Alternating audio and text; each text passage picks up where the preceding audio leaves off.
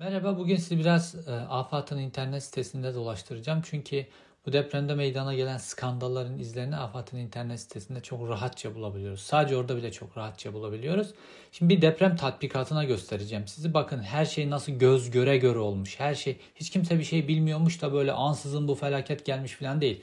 Bilim adamları zaten uyarıyordu. AFAD bile bunu nasıl biliyormuş fakat buna rağmen ne kadar hazırlıksızmış onu göstereceğim şimdi size. Şimdi burası AFAD'ın web sitesi gördüğünüz gibi ve AFAD'ın web sitesinde Kahramanmaraş'ta 2019 yılında gerçekleştirilmiş bir tatbikattan bahsediyor. Bakın Adıyaman, Gaziantep, Kahramanmaraş, Malatya depremden en çok etkilenecek yerler olarak öngörülüyor. Ve tatbikat Doğu Anadolu fay hattındaki Kahramanmaraş'ın Pazarcık ilçesinde. Tam depremin olduğu yer yani merkezi çok doğru biçimde tespit etmişler ve 7,5 şiddetindeki deprem senaryosu üzerine gerçekleştirilmiş. Yani her şeyi biliyorlarmış ve bu deprem senaryosunda da işte bakanı vesaire çağırıp deprem senaryosunun hepsini bir video kaydına almışlar. O video kaydından bazı bölümler göstereyim size. Kahramanmaraş 2019 Ulusal Tam Tatbikatı Kahramanmaraş 2019 Ulusal Tam Tatbikatı ulusal düzey hizmet grupları, ilimiz yerel düzey hizmet grupları ve destek illerin katılımıyla 9, 10, 11 Ekim 2019 tarihlerinde masa başı ve saha tatbikatı olarak gerçekleştirildi.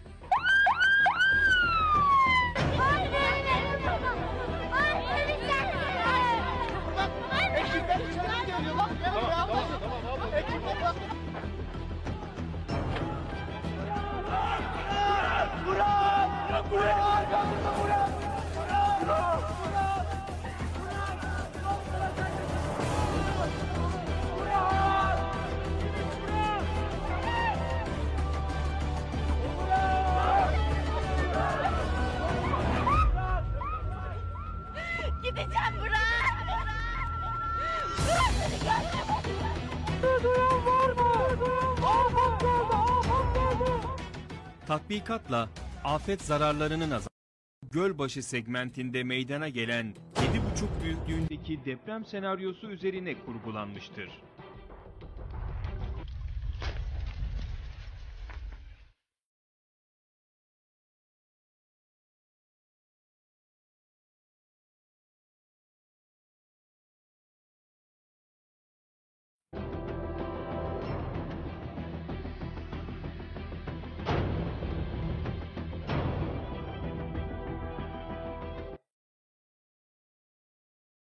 Çok güzel deprem senaryosu yapmışlar. Oyunculuk 10 numara böyle insanlar binalara saldırıyor. Sanki yangın var da yangında insanlar içeri girmek isterler. Depremde böyle kim oradaki enkaza saldırsın. Neyse oyunculuk çok güzel. Gözyaşları şunlar bunlar güzel. 3D animasyonlar falan güzel.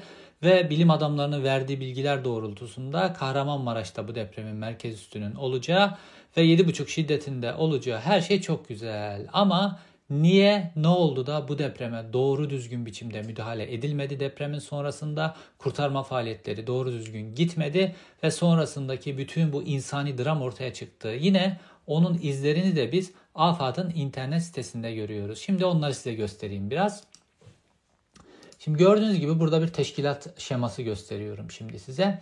Bu teşkilat şemasında iki tane önemli adam var. Bunların ikisi çok önemli. Afetlere Müdahale Genel Müdürü İsmail Pakoğlu. Bu çok önemli. Bunu biliyorsunuz. İşte bir önceki videomda da anlatmıştım. Ee, kendisi İmam Hatip mezunu. Sonra İlahiyat Fakültesini okumuş. Sonra da tasavvuf üzerine doktora yapmış. Fakat Diyanet Vakfı'nda sürekli yöneticilik şu bu filan yaparken bir anda hiçbir yetkisi bilgisi olmadan afetlere müdahale genel müdür olmuş. Fakat bir ikinci isim daha var. Bu da Nehar Poçan. Bunun esas ismi Ahmet Nehar Poçan. Bu kişi kim biliyor musunuz? Bu kişi şu an Çevre ve Şehircilik Bakanı olan Murat Kurum'un kız kardeşinin kocası. Yani Murat Kurum'un eniştesi. Şimdi bu kişiyle ilgili size başka birkaç bilgi göstereyim. Şimdi bu kişi işte bahsettiğimiz kişi şu. Gördüğünüz gibi Emniyet Genel Müdürlüğü e, logosunun altında poz vermiş. Şu kişi yine emniyet, polis filan bu logoları görüyorsunuz. Şimdi bu kişi normalde üniversiteyi mezun olduktan sonra daha çok genç görüyorsunuz. Üniversiteyi mezun olduktan sonra 1-2 yıllık özel sektör tecrübesinden sonra hemen Süleyman Soylu tarafından Emniyet Genel Müdürlüğü İnşaat ve Emlak Daire Başkanlığı'na atanıyor. Bir anda daire başkanı oluyor. Ondan sonra hızla hızlı biçimde yükseliyor ve ondan sonra da AFAD'daki bu barınma ve yapım işleri genel müdürlüğüne geliyor. Ahmet Near Poçan. Peki bu Ahmet Near Poçan'la ilgili size başka bir görüntü daha göstereyim. Şurada gördüğünüz fotoğraf. Görüyor musunuz? Figürler hep aynı. Figürler değişiyor ama hep aynı kişiler.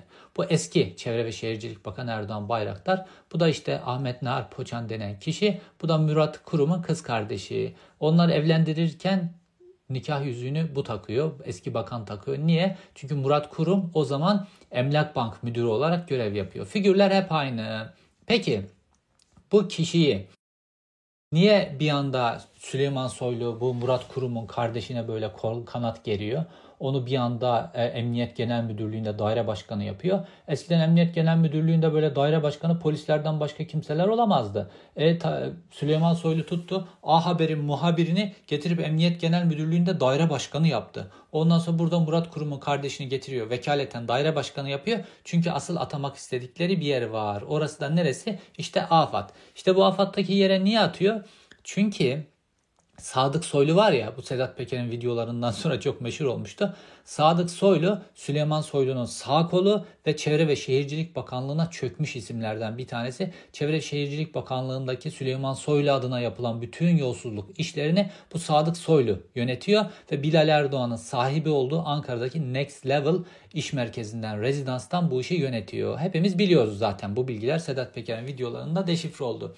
Sonra Erdoğan Bayraktar vesaire sonrasındaki birkaç tane geçici çevre bakanı oldu. Fakat bu Murat Kurum'un gelmesinde Murat Kurum oraya atayan isim aslında Sadık Soylu'dur. Ve bu Murat Kurum'la Süleyman Soylu'nun arasındaki ilişkiler de işte bu şekilde. Süleyman Soylu Murat Kurum'un e, eniştesini önce tutuyor emniyette vekaletten daire başkanı yapıyor. Sonra oradan da yine İçişleri Bakanlığı'na bağlı AFAD'a çok kritik bir noktaya daire başkanı yapıyor. Ondan sonra ne oluyor? Bir afet ortaya çıkıyor. Ahbap çavuş ilişkileri içerisinde Süleyman Soylu'nun Çevre Bakanlığı'ndaki vurgunlarına Murat Kurum göz yumuyor. Murat Kurum'un akrabalarının, eşlerinin, dostlarının İçişleri Bakanlığı'na yerleştirilmesi işini ve AFAD üzerinden vurgunların yapılması işini de Süleyman Soylu organize ediyor. Bakanlar birbirlerinin arasında çok güzel paslaşıyorlar. Neticede ne oluyor? Neticede işte bu gördüğümüz skandallar meydana geliyor. Bir deprem meydana geldi bu depremin olacağını, nerede olacağını, kaç şiddetinde olacağını vesaire bunu zaten bilim adamları belirlemişler. O bilim adamlarının belirlemeleri üzerine de AFAD tatbikat yapmış. Bu tatbikatın da çok afilli 3D animasyonlu böyle videolarını filan yapmış.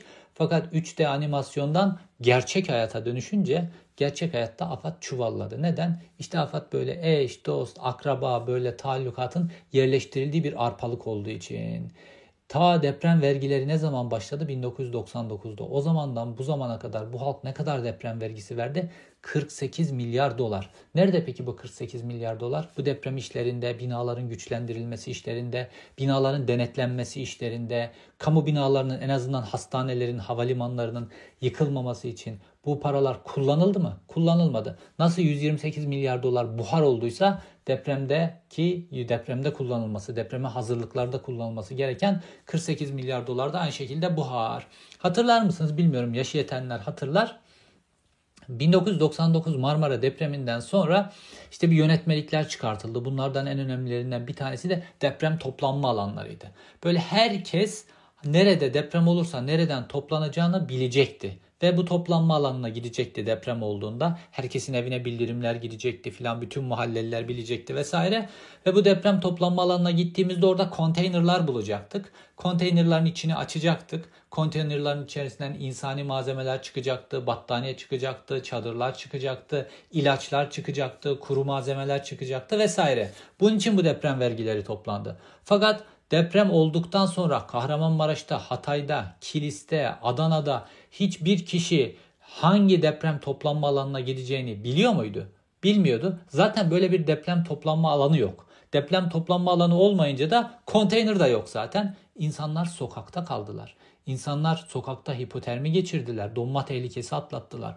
O depremzedeler o acıların üzerine aç açıkta kaldılar günlerce. Sonra da ne yaptılar biliyor musunuz? Toplu mezarlar yaptılar. Bu da inanılmaz büyük bir skandal ya. toplu mezarlara insanları gömdüler. Yani kaçıncı yüzyılda yaşıyoruz biz ve Türkiye'de bütün belediyelerin her türlü imkanları var.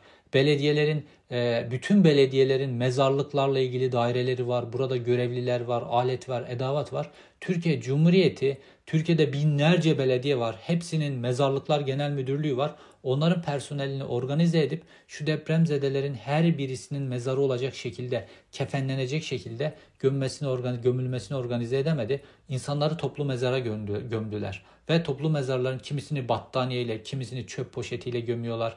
İsimleri bile belli değil. Kimin nereye gömüldüğü bile belli değil.